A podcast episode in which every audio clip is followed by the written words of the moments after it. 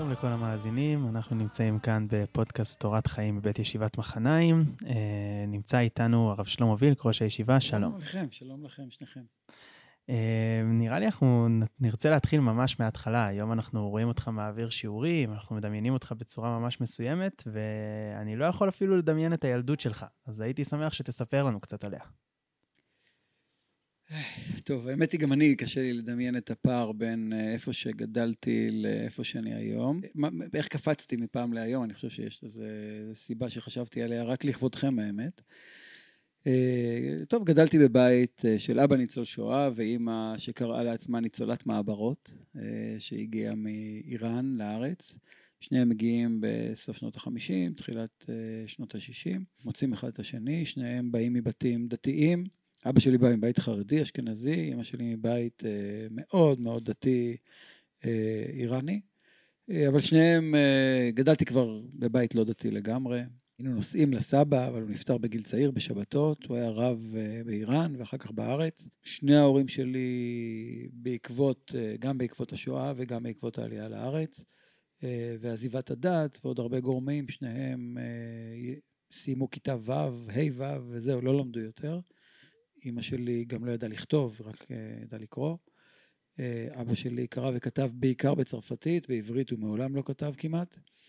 אה, וככה נראו כל החברים שלי, פחות או יותר. כלומר, לא היה איזה משהו שהרגשתי שאני יודע מה, אני בא מאיזה רקע של מצוקה. אולי רק בתחום הכלכלי. כלומר, בתחום הכלכלי באמת לא היה שום דבר.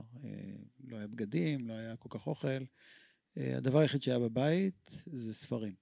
כלומר, אמי זיכרונה לברכה, שהיא בעצמה ידעה לקרוא, אבל היא לא כתבה כמו שאמרתי, אבל ספרים, הייתי חייב כל יום ללכת לספרייה ולהחליף ספר. לא חייב בגלל, בגלל הציווי, אלא בגלל שאני לא יכולתי בלי זה. יש איזה ספר שאתה זוכר? אני חושב שהספר, ככה מילדות שאני זוכר, שקראתי והשפיע עליי מאוד, אבל עוד לא ידעתי איך, רק לימים הבנתי את זה, היה כעלה נידף. אה, ספר שמספר את סיפורו של, אה, של אלישע בן אבויה. ספר שתורגם לעברית, ובמקרה לקחתי אותו, לא יודע אפילו למה, והוא השאיר עליי גם, אני זוכר, בתור, בגיל צעיר, כבר קראתי ספרים מאוד ככה, יותר, כבר של יותר מבוגרים, כי פשוט נגמרו הספרים. השפיע עליי מאוד גם באותו זמן, וגם לימים אני חושב שהשאיר עליי חותם דמותו של אלישע בן אבויה בעיניי דמות, uh, המורכבות שלה, המופלאות שלה, ההזדהות והדחייה ממנה, באמת, אני הרבה שנים, אה, הרבה שנים אני, הספר הזה חקוק מאוד בזיכרוני. בזמנו היו עוד, אבל אה, זה היה אולי המרכזי. כן. אז אתה מזוהה עם אלישע בן אביה לפני שאתה בכלל אה, חוזר בתשובה. כן, כן, ממש. כשקראתי בזמנו את הספר, אפשר להגיד שהזדהיתי עם הכפירה, הזדהיתי עם הריחוק, ולימים הזדהיתי עם הכאב, ולימים אחרים הזדהיתי עם הסנהדרין. כלומר, בתקופות שונות של חייו, אני הלכתי בתהליך ההפוך ממה שאלישע בן אבויה הלך. אה, כן. אה, זהו, למדתי בבית ספר רגיל. אה, בית ספר לא עניין אותי, בדרך כלל ככה, אני זוכר מכיתה ג' הייתי מסכם אנציקלופדיות. כאילו הייתי הולך לספרייה, יושב שם ומסכם ערכים מהאנציקלופדיה. היו לי מחברות שלמות, הכל בזכות אמא שלי, אני חושב. שוב, שהיא לא הייתה אוריינית כמעט, אבל היא קראה הרבה, אבל ממש זה לא עבר במובן שתקרא או לא תקרא, אבל היה נוכח מאוד בבית, שיכול להיות שלא תהיה ארוחת ערב, אבל ספר אתה חייב שיהיה לך. אה, אבא שלי היה עובד בית בבית חולים, ממש העבודה הכי נמוכה שיכולה להיות, מבחינת ההיררכיות. אבל הוא קם כל בוקר בחמש וחצי והלך לעבודה, והייתי קם איתו, ועד הבית ספר הייתי קורא שעה וחצי, ורק אחר כך הולך. בגיל די צעיר, אמא שלי חלתה בסרטן, סרטן שד, וממש הייתה על פי מוות כמה וכמה פעמים. וזה גם כונן את ילדותי, כי למדתי פסנתר, והייתי ככה, ואז באיזשהו גיל, זה היה ב... היא חלתה פעם ראשונה ב-74. לאורך כל הילדות זה היה נושא, כי כל פעם זה חזר, וכל פעם בית חולים, ואז זה לא היה כמו היום עם טיפולים. אה, אז הדודות דאגו, ואבא שלי לא היה מסוגל, אבא שלי שתק בעיקר, פשוט שתק. אה, אין סבים וסבתות, אז לא באמת הייתה לי מערכת יחסים עם אבא שלי אף פעם. כאילו, רק היום, כשהוא כבר בן 85 וגר אצלנו בבית עם עובד זר, אה, בקושי מדבר, נראה לי זה השיחות הכי ארוכות שהיו לי אי פעם עם אבא שלי, זה עכשיו, אה, כאשר הוא בקושי מדבר ובקושי זוכר. אבל שוב אני אומר, אני לא, אתם יודעים, זה, היום זה נראה, אם מישהו מספר את זה על היום, זה צריך עובדת סוציאלית. לא יודע, נראה לי מסביב שזה לא היה חריג. כאילו, הייתי בבתים של אחרים, והיו הרבה ניצולי שואה, והרבה, לא יודע, לא, לא הרגשתי חריג, נגיד כך. כן? לא, אני לא מרגיש שאני שרוט מהדבר הזה. אה, אולי זה שאני מדבר עם הילדים שלי ואומרים שיותר מדי, אולי זה תגובת נגד, אני לא יודע, אולי זה הסריטה שלי. יש עוד דברים שבהם אתה מרגיש שאתה דור אה, שני בעצם לניצולי שואה? בית לא היה מוגן מזה, כלומר, אה, מתחת למיטה של ההורים שלי הייתה מזוודה עם דברים תמיד.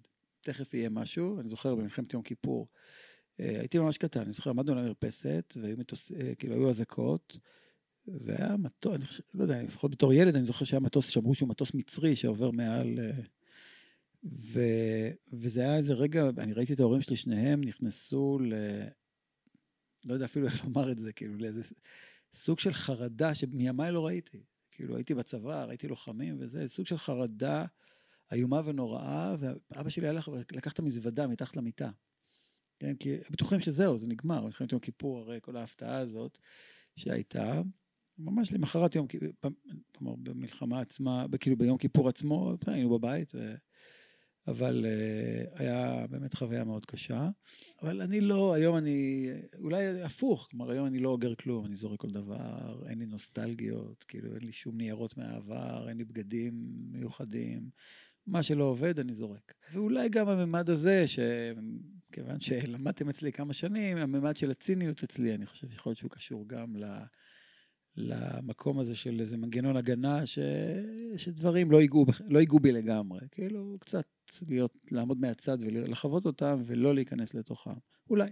אז בעצם, בתוך כל העולם הזה של הצמאון לדעת שאתה תיארת, מתי מתחיל התהליך של החזרה בתשובה? זה קשור לזה? זה משהו אחר? תראה, קודם כל, לאט לאט גם גיליתי שיש uh, צדדים אחרים במשפחה שנשארו דתיים. מצד אבא שלי, משפחה חרדית. שהתחילה יותר ויותר להיות מעורבת, ומצד אמא שלי גם היו עוד שרידים של אה, אנשים דתיים. מה זה התקופה שהייתי עוד ילד, אבל שהייתה תקופה של חזרה בתשובה, בכלל בארץ. כלומר, החוזרים בתשובה הגדולים, אני זוכר את אורי זוהר שחזר בתשובה, אנחנו מדברים על uh, מחצית השנייה של שנות ה-70, כאילו 75 והלאה. אה, זה מזמן בשבילכם. מה, וזה השפיע אה, עליך? דמויות כמו אורי זוהר ו... תראה, דובר על זה, והיה, אני זוכר את עצמי הולך לסמינר ערכים בגיל די צעיר, בגיל 16. כאילו, אתה יודע, היה איזה לחץ גדול מאוד, שהוא היה, אני חושב, פונקציה גם אצלנו בבית, של מלחמת יום כיפור. התחושה של ה... אני נולדתי חצי שנה לפני מלחמת ששת הימים. היינו ילדים של ששת הימים. לא היה שיר, היינו ילדים של קיץ שנת 66, אבל ילדים של קיץ 66 אה, היו בהיי. אנחנו גדלנו בכל העולם שלנו. אני זוכר את המצעדים הצבאיים שברחובות, ברחובות בתל אביב, ואת המטסים שהיו. ומגיעה שנת 73, ואני חושב שהיא תרמה הרבה מאוד להוריד קצת ההיבריס של הכוח ושל האמון בעצמנו, וזה הביא לגל שחזרה בתשובה, אין ספק. טייסים חזרו בתשובה, כאילו, אני זוכר את זה, פיזיקאים, כאילו, מכל התחומים. עכשיו, אנחנו כבר היינו, היינו צעירים אז, אני לא הייתי חלק מהדבר הזה, זה דור אחד לפנינו. אבל בגיל 15-16 פתאום בנוער עובד ולומד, שהייתי שם, לא יודע, שאלו שאלות, ו... וזהו, וכך uh, פתאום, אני מנסה לזכור, uh, ככה אני, כרגיל, אצלי זה ספרים, כלומר, ספר מכניס אותי פנימה ומוציא אותי החוצה. בסוף אני חי ממילים גם, כן. אני חושב ששניים השפיעו עליי בעיקר, זה היה מסילת ישרים בזמנו, אה, ומסכת פסחים שבמקרה מצא, כאילו, פגשתי את מסכת, לא ידעתי בכלל שום דבר מזה, אבל פגשתי משהו במסכת פסחים, שגם היה בשבילי משהו מאוד משמעותי. החוכמה שניבטה מתוך התלמוד עד היום, אני עומד מול דף גמרא, לא משנה איזה דף גמרא, ואני עומד גם באימה, אבל כאילו, אני, אני לא יכול להבין איך אפשר לחיות בלי ללמוד גמרא. אשכרה, כאילו, ככה. זה היה הדחף שלי בסוף, כן, דרך, אה, כאילו, ה-rabbit hole, כאילו, מאורת הארנב, בשבילי לעבור לעולם של הזיה, כאילו, עולם של רוח, עולם באמת שבשבילי היה גדול מאוד, היה דרך, ה-rabbit hole שלי היה כנראה פרק א' של מסילת ישרים. היה לך חברותה או שתהליך החזרה בתשובה היה עצמאי גם? היה, כן, היה לי חברותה, היו שניים אפילו. אה, אבל אחד בעיקר. עברנו תקופה ארוכה ביחד, עברנו ביחד תהליך, אה, זה תהליך שעבר דרך נקודות בעיקר של עולמות חרדים. אה, למדתי בישיבה תיכונית קצת, אבל גם, לא קצת, אבל למדתי בישיבה תיכונית, אבל גם למדתי, עברתי בעיקר באפיקים של ישיבות חרדיות. ממילא נפרדו דרכנו. זה לא קצת אה, פלונטר זהותי, לבוא מבית חילוני, ישיבה תיכונית ציונית דתית, ללמוד גם אצל חרדים? איפה אתה מוצא את עצמך בתוך כל הסיפור הזה? תראה, זה יהיה קשור גם לדברים אחרים. אני שאלתי את עצמי את זה גם, כאילו, איך, איך זה עבד, אבל אה, כיוון שאני, אתם מכירים אולי, אולי לא, אני לא יודע, אבל אני לא אדם אידיאליסט. כלומר, אני לא, אי אפשר לרתום אותי לאיזה משהו שאומר, איזה מסע צלב, אני לא צלבן. ו... או לא מיסיונר, או לא, לא יודע, אצלנו אין את זה ביהדות אפילו, אין, יש מילה ל... לדבר חב"ד. הזה, אני לא יודע, כן. אני לא שליח, בסדר, כן. אני אוהב להסתכל על העולם ולחוות אותו, להכיר אותו, לתת לו מקום. אני לא עסוק ב... בלשפוט אותו או בלהזדהות איתו, להיות in או out. העולם מסקרן אותי, אנשים מסקרנים אותי, ספרים מסקרנים אותי. אני יכול להיפגש, כאילו, אני יכול באמת להבין, ובאמת דיברתי לאורך חיי, כאילו, עם, עם, מכל דת ומכל תרבות ומכל מין, ובאמת מכל מה שאפשר. ואין לי איזה, אם יש לי אמירה נחרצת על משהו, זה רק בגלל שאמרתי לפני רגע אמירה נחרצת על משהו הפוך. וממילא אף פעם לא הרגשתי, כלומר, לא הייתי חרדי ולא הייתי אה, אפילו ציונות דתית, בסדר, הייתי בצבא והייתי, כל מה שצריך לעשות אני עושה, אבל אה, אני לא, אני לא נמצא ככה באיזה, ב, ב, בעולם שבו אני שופט את העולם באופן, אה, כאילו, אם, אם אני שייך אליו, לא שייך אליו. סתם, אני מסתובב בעולם כ, כטרמפיסט בגלקסיה. ואני אפילו לא מחפש את התשובה לכל השאלות, כן? והיא בטח לא 42. אז ממילא אתה יכול בעולם הזה, אתה יודע, כמו קצת, סליחה על ההיבריס עכשיו שאני אומר, אבל כמו התם, ב, לימים, הכרתי את הסיפור של מעשה בחכם ותם של, של רבי נחמן, שמתאר מישהו שהוא טרמפיסט בגלקסיה, והוא לומד מפה ולומד משם, ומקשיב לזה ומקשיב לזה, והוא לא צריך לנקוט עמדה, הוא לא צריך להגיד, אני כזה, כאילו. והזהות בסוף היא, מרכ... היא מורכבת מ... מהמון המון סתירות שמרכיבים זהות אחת. אז אני לא יודע אם הגעתי לשלב הזה, אבל אני בטח עד היום לא, לא רואה את הדברים אחרת. כלומר, אני שם, כאילו, במקום הזה של טרמפיסט. אני מניח שאם הייתי שואל אנשים שמכירים אותך, הם היו אומרים שאתה חכם ולא אתם. למה? למה אתה חושב? כי, כי חושבים עליי כאדם חכם? אפשר לפחות לומר, בטח לא תם. כן. אה, רציונליסט. אה, כן, אז אה, אה, קודם כל אל תלכו שולל אחרי, אתם יודעים, זה פשוט קראתי מאמר אחד יותר מכם, כאילו זה לא, לא הרבה יותר חכם מאף אחד פה, בכלל לא. באמת אני אומר את זה לא בענווה, אה, אבל זה נכון, אני יודע, אנשים, בגלל שאני יודע דברים, כאילו, אני מתעניין בדברים, ואני יודע לחבר דברים, אז לפעמים מסתכלים על זה ככה, אבל גם במעשה בחכם ותם, בסופו של יום, התם הוא הופך להיות חכם הרבה יותר מהחכם. כלומר, היכולת שלו לנתח מציאות, היכולת שלו לא לעשות רדוקציה של שום דבר לשום דבר, אלא לראות מכלול, לראות עולם, אז הטעם, אני אגיד, אני אגיד לכם כך, כשאני מלמד קבלה, חסידות, מדברים הרבה על תמימות ראשונה ותמימות שנייה. גדלתי בבית של תמימות ראשונה לחלוטין. תמימות הכי תמימה שיכולה להיות. כאילו פשטות באמת ברמות, אין לכם מושג, כזה, כאילו אתם באמת, אה, כולכם אה, לא לא יכולים להבין את זה אפילו. וכאילו עברתי איזה דרך בחיים שאני חושב שאני, אה, כלומר דרך של למידה וביקורת וכל מה ש... אתה יודע מה, ואקדמיה ועולם של תורה וכולי. ובסופו של דבר העולם שאני חווה היום לעצמי הוא עולם של תמימות שנייה חלקית או חלקית, כלומר, יותר מחלקית אפילו, כלומר משמעותית. העולם שלי, אני, אני מסתכל, אני חווה את העולם דווקא באופן מאוד ילדי. אני לא, כמו יש לי מה לגוע לומר עליו, יכול להיות שאני גם ציני, לא יכול להיות, בטוח. מאיפה באמת הציניות אה, נכנסת בכל התיאור הזה? כי תמימות שנייה היא כבר, אה, יש לה קצה גזור. כן, כלומר, כי אחרת זו תמימות ראשונה. אם אין לה קצה גזור, שמסתכל על הדברים באופן שהוא נשמר מה, מהתקלות שיש בדבר, מהאלילות שיש בדבר, כן? כלומר, אני, אני יכול, אני מתפעל מדברים, אני אוהב דברים, אני יודע לקפוץ על דברים בלי, בלי לחשוב הרבה, כן? בכל צומת בחיים שלי שהייתי צריך לבחור, תוך שנייה בחרתי. כאילו, אני לא, זה, זה לא חשוב לי מה לבחור, כל דבר בסוף אני אתמודד איתו, אני אכיל אותו, אריב איתו. לא משנה מה, אבל אני, אני, אני רוצה לחוות אותו. אם זה טוב, טוב, אם לא, אז גם היה טוב, בסדר, והמשכנו הלאה. אני יודע שבגלל הציניות חווים את זה כך, אבל נעזוב רגע את עניין הציניות, אבל מתוך המעטה הזה, בסופו של דבר, עולם התורה זה הבית שלי. ואני מבין לתוך הבית אסור ללכת עם אה, חליפה ועניבה, הולכים עם פיג'מה, או הולכים עם נעלי בית. ונעלי בית זה כאילו המקום שלכאורה אתה בבית שלך, אז אתה צריך ללכת הכי מכובד, כי זה הבית שלך, זה מקום נורא חשוב לך וכולי, אבל דווקא בבית אתה הולך casual, אתה הולך בלי המדים. כלומר, אתה מסתיר מגננות, אתה יכול בבית להגיד שטויות, אתה יכול... כאילו, הבית הופך להיות מקום שמגן עליך ושומר עליך דווקא להיות ציני, לא להיות חגיגי ורשמי. רשמי, עכשיו, וכיוון שהישיבה זה גם הבית שלי. לכן ו... אתה בא עם חולצות לבנות. ו...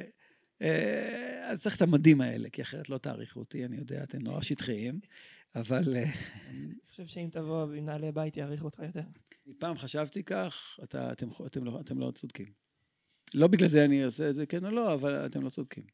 בסופו של דבר, יש משהו במדים או ב outfit, כאילו בלבוש, שהוא משדר משהו. אז כיוון שאני שואל את עצמי עכשיו, מה אני יותר משדר, כן? אז אם אני משדר עולם, העולם שלי הוא לא casual, הוא מאוד מדויק, הוא מאוד אחראי, אני, כאילו, דווקא היום זה לא יום טוב להגיד את זה, כי איחרתי לשיעור, אבל זה באמת לא קורה. אה, אני פה כל בוקר בשש בבוקר, אני, כאילו, אז לוח הזמנים שלי הדוק מאוד. אני האיש של החולצה הלבנה ולא של הטישרט והג'ינס. אבל אני יודע גם להיות זה, כן? אני יודע גם להיות הצד, ה, כאילו, הצד, הצד השני של הדברים, ו, וגם תלמידים רואים אותי, גם אם מכסיים, כאילו, אם יוצאים לטיול, אז אני לא יוצא ככה. כאילו, אני יודע להגיד שאני רוצה גם להציג את הצד הזה, ואני חושב שדווקא משניהם, אה, היא יכולה לנבוע יותר הערכה, או, או, עזוב הערכה, הערכה לא חשובה, אלא הבנה של הדמות. אלא הבנה של הדמות כדמות שהיא מורכבת יותר, כן? אז אני לא מסתיר את זה שאני יוצא לחופשות סקי, כן? וזה לא, אני יכול, כן, זה לא, זה לא, אני לא יוצא בשביל להתרים תורמים, כן? אני יוצא לחופשת סקי. ואז אז הדמות היא דמות שלמה שיש בתוכה את החולצה הלבנה ויש בה גם את המגלשיים ויש בתוכה גם את הכדורגל. אני חושב שכל הצוות פה הוא בסוף נמצא על הספקטרום הזה כאילו של ללוש את החיים ולבנות מהם איזה משהו שלם אבל באמת לגעת בדברים מסוימים. אני חייב לשאול, הרב וילק, אתה כותב ספר אחד שנמצא היום על המדפים, נקרא נעשה אדם, על אורות התשובה של הרב קוק, נכון? כן. זה חלק מהביוגרפיה הרוחנית שלך, סיפור התשובה. בגלל זה, זה הנושא שהחלטת לכתוב עליו? Uh, כן, כן, לגמרי. גם שנים אחר כך, זה עדיין מלווה אותך? תראה, זה כמו מישהו שהיה מכור ונגמל, אתה אף פעם לא... אי אפשר... כמו שדתל"ש אף פעם לא יהיה חילוני, גם חוזר בתשובה אף פעם לא יהיה דתי. כלומר, יש משהו בתנועה הזאת שאני הרבה פעמים מקנא בילדים שלי שהם שם, כאילו, בלי, בלי היד שהולכת למפסק אחרי 30 שנה בשבת. כנראה שהם גם מקנאים בך, לא? זהו. ואני מניח שיש גם את הצד השני של החוויה הזאת של בחירה, כן? של משהו ש... אז השאלה, אתה יודע, קשה להעביר, הרי דתל"ש לא יכול להעביר את החוויה הדתית לילדיו. כי זה אומר לשלוח אותו לבית ספר דתי, וזה אומר, אז גם, אני, אתה לא יכול לשלוח את הילדים שלך, כאילו, ל, ל, בסוף הם הכוחניקים, אין מה לעשות. אה, או לא משנה, או אימל פארב, או מה שלא יהיה. אבל לכן, אני חושב ש... תראה, מכל אורות התשובה, הקטע שהכי, שבגללו גם בחרתי לכתוב עליו, וגם בגללו זה הספר שאני מלמד שנים, שנים, כל פעם מחדש, זה ההקדמה של הרב קוק. אתמול, אני אתחיל רגע ואומר, אתמול היה לנו פה בית דין לגיור. ועמדה מתגיירת אחת, בחורה כבר בשנות ה-30 שלה, שרוצה להתחתן. היא ניסתה ברבנות פעמיים לעבור את הגיור, הייתה בצבא, בנתיב קצת, ניסתה להתגייר. והיא אמרה, היא לא הייתי, היא אמרה לי, אני לא מסוגלת להיות שם. לא הייתי, כאילו נחנקתי שם ועזבתי, בגלל שכל הזמן דיברו על שכר ועונש, וכל הזמן דיברו על זה שהרגשתי שכאילו משדרים לי שביהדות צריך לסבול. ואני לא רוצה לסבול, אני לא מאמינה שהקדוש, לא אמרה הקדוש ברוך הוא, אני אומר, אה, רוצה שנסבול. ולא יכולתי, ואמרתי, אם זה, כאילו, אם זה ככה, אני לא מסוגלת. אז היא אומרת, אני שומרת מצוות, אה, אולי לא הכל קלה וככה ברוכה, אבל אני רוצה להיות דתייה, ואני רוצה להיות זה. והיא חיה באווירה מאוד תורנית, ושומרת שבת, ודברים כאלה, אבל היא לא רוצה להתגייר, כי היא אומרת, כי הגיור זה ברית עם הכאב. ככה היא אמרה לנו. והיינו שלושה דיינים, ש...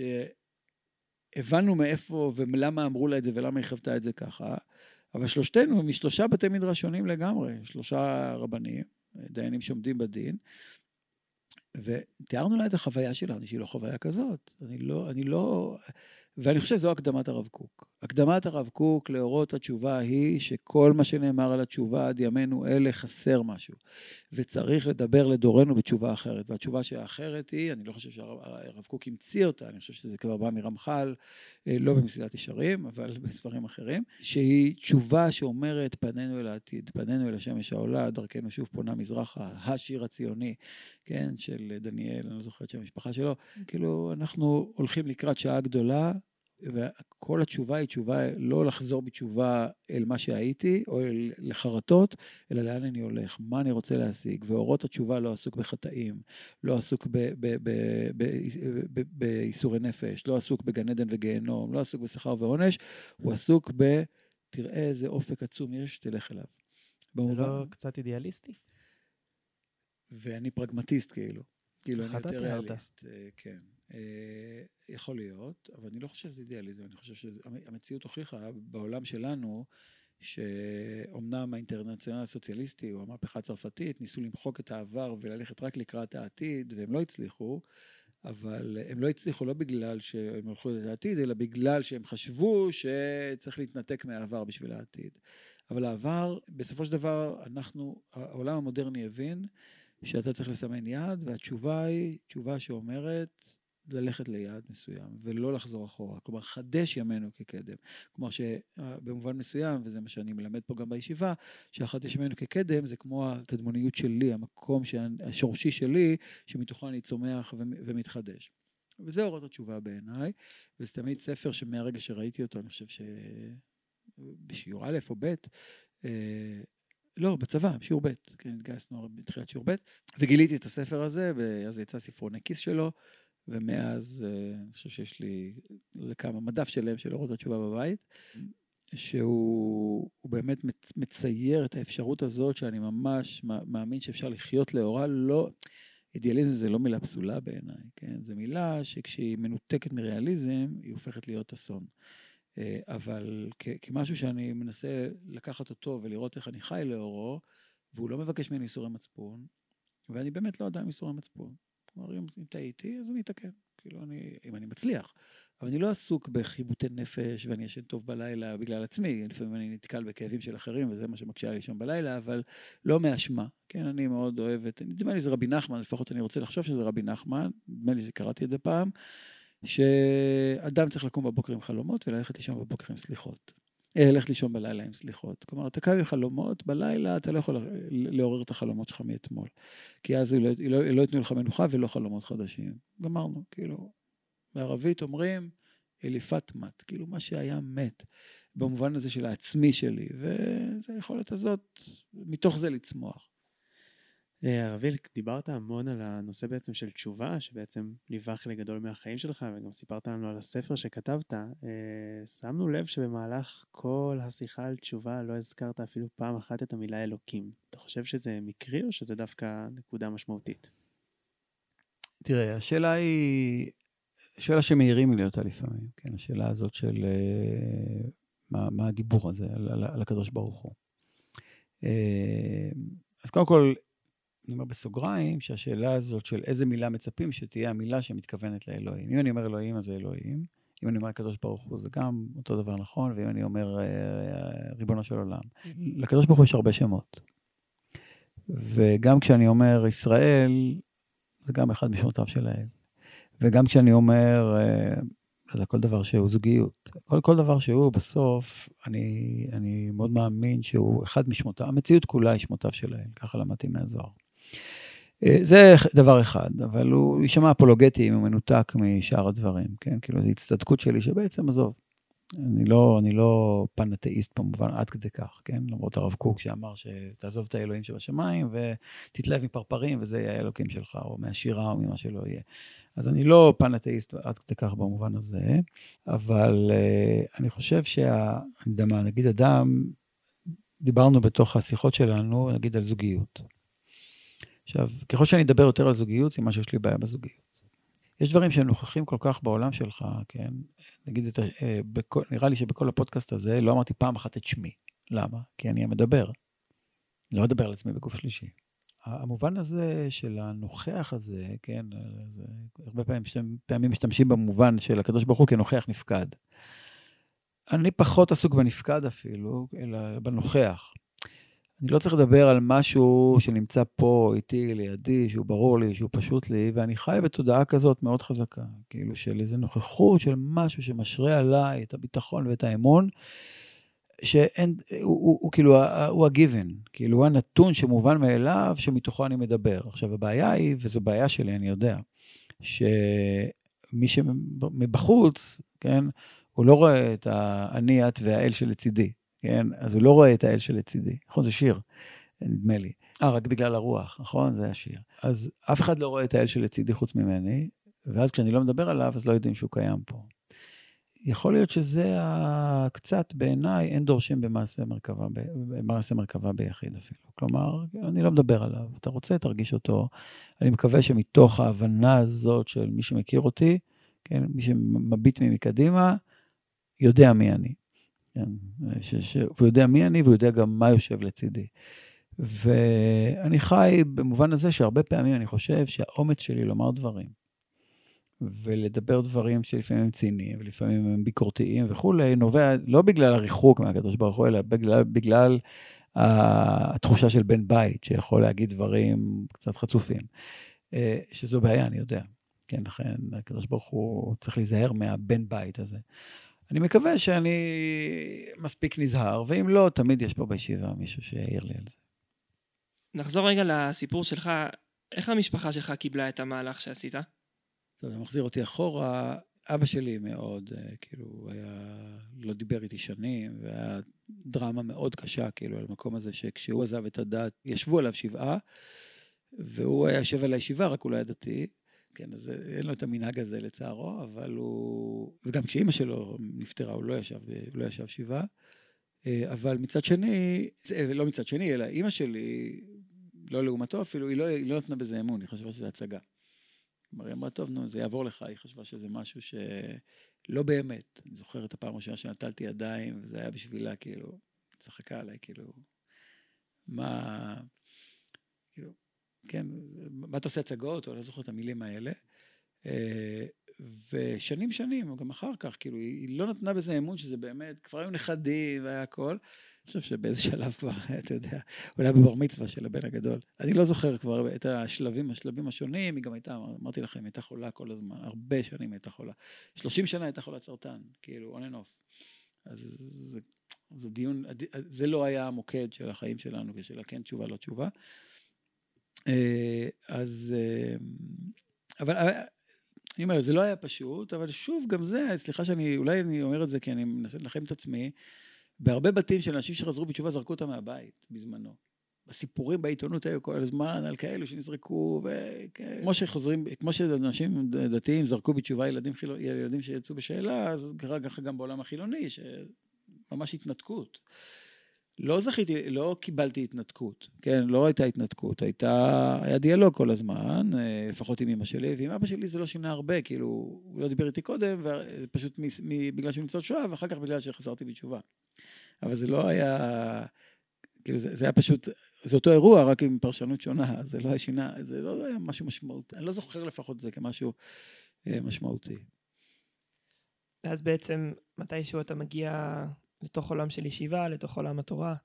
אמ, איך הפרק הזה מתחיל, איך אתה חווה אותו. לא, לא, יודע, לא יודע אפילו, אני קשה לי להיזכר אפילו ברגעים, בזמנים ובזה, אבל בסך הכל כבר... אולי תתחיל לספר באיפה למדת, לאיזה ישיבת הסדר הגעת, אם היה לך ברור הגעתי, כן, אז הגעתי לכל מיני מקומות, אבל uh, בסופו של דבר uh, לישיבת כפר חסידים uh, בצפון, בכפר חסידים, ישיבה חרדית. Uh, אחר כך הייתי בהסדר בקרני שומרון. אה, אחר כך הייתי בארי פישל בירושלים, בכולל, אה, בדרך עברתי קצת בחברון. בוא אה, נעצור רגע בקרני שומרון. היה לך ברור שאתה הולך לשם אחרי התיכון? היה התלבטות? מה היה עולם הישיבות באותה תקופה? תראה, היו מעט מאוד ישיבות בזמנו, לא היו הרבה ישיבות הסדר כמו היום. הלכתי לקרני שומרון בעיקר, בעיקר, בעיקר, סליחה, מהרב אבר. אה, בעיקר אה, בגלל שזה היה קרוב לבית, וכיוון שאימא שלי הייתה חולה, אז הייתי צריך להיות בבית יותר. אה, ובחרתי בישיבה שבזמנו הייתה הכי קרובה. נגיד, חברים הטובים שלי הלכו לכרם ביבנה בזמנו, וגם הייתי נוסע לפעמים לכרם ביבנה לשמוע שיעורים אפילו בתוך השנים הללו בהסדר. אבל קרני שומרון, הריאליזם של הישיבה הזאת, הסוכי שמטה אליבא דהילכתא, המקום של באמת הרב, שאני לא, לא אכנס כרגע לשמות של רבנים, אבל שני רבנים שהשפיעו עליי מאוד בריאליזם ובדיוק בהבנת המקורות, אה, וה, והכנות הגדולה שהייתה שם, באמת ברמות עליונות, הייתה נפלאה פשוט. אה, אז מהבחינה הזאת זה מאוד השפיע עליי, מאוד התאים לי גם, ומאוד השפיע עליי, למרות שזה לא היה בהכרח הסיבה ש... שהייתי שם, לפחות ככה אני זוכר, אולי היו דברים אחרים גם. היית, היית עסוק בלהשלים פערים? בכל זאת, רוב החבר'ה מגיעים מרקע דתי, או שישר צללת למים? אני לא זוכר. אני חושב, קשה לי לזכור, אני לא זוכר שהיה לי איזה, אני יודע מה, בגלל בית דתי ולא דתי. כבר הייתי בפנים שנתיים.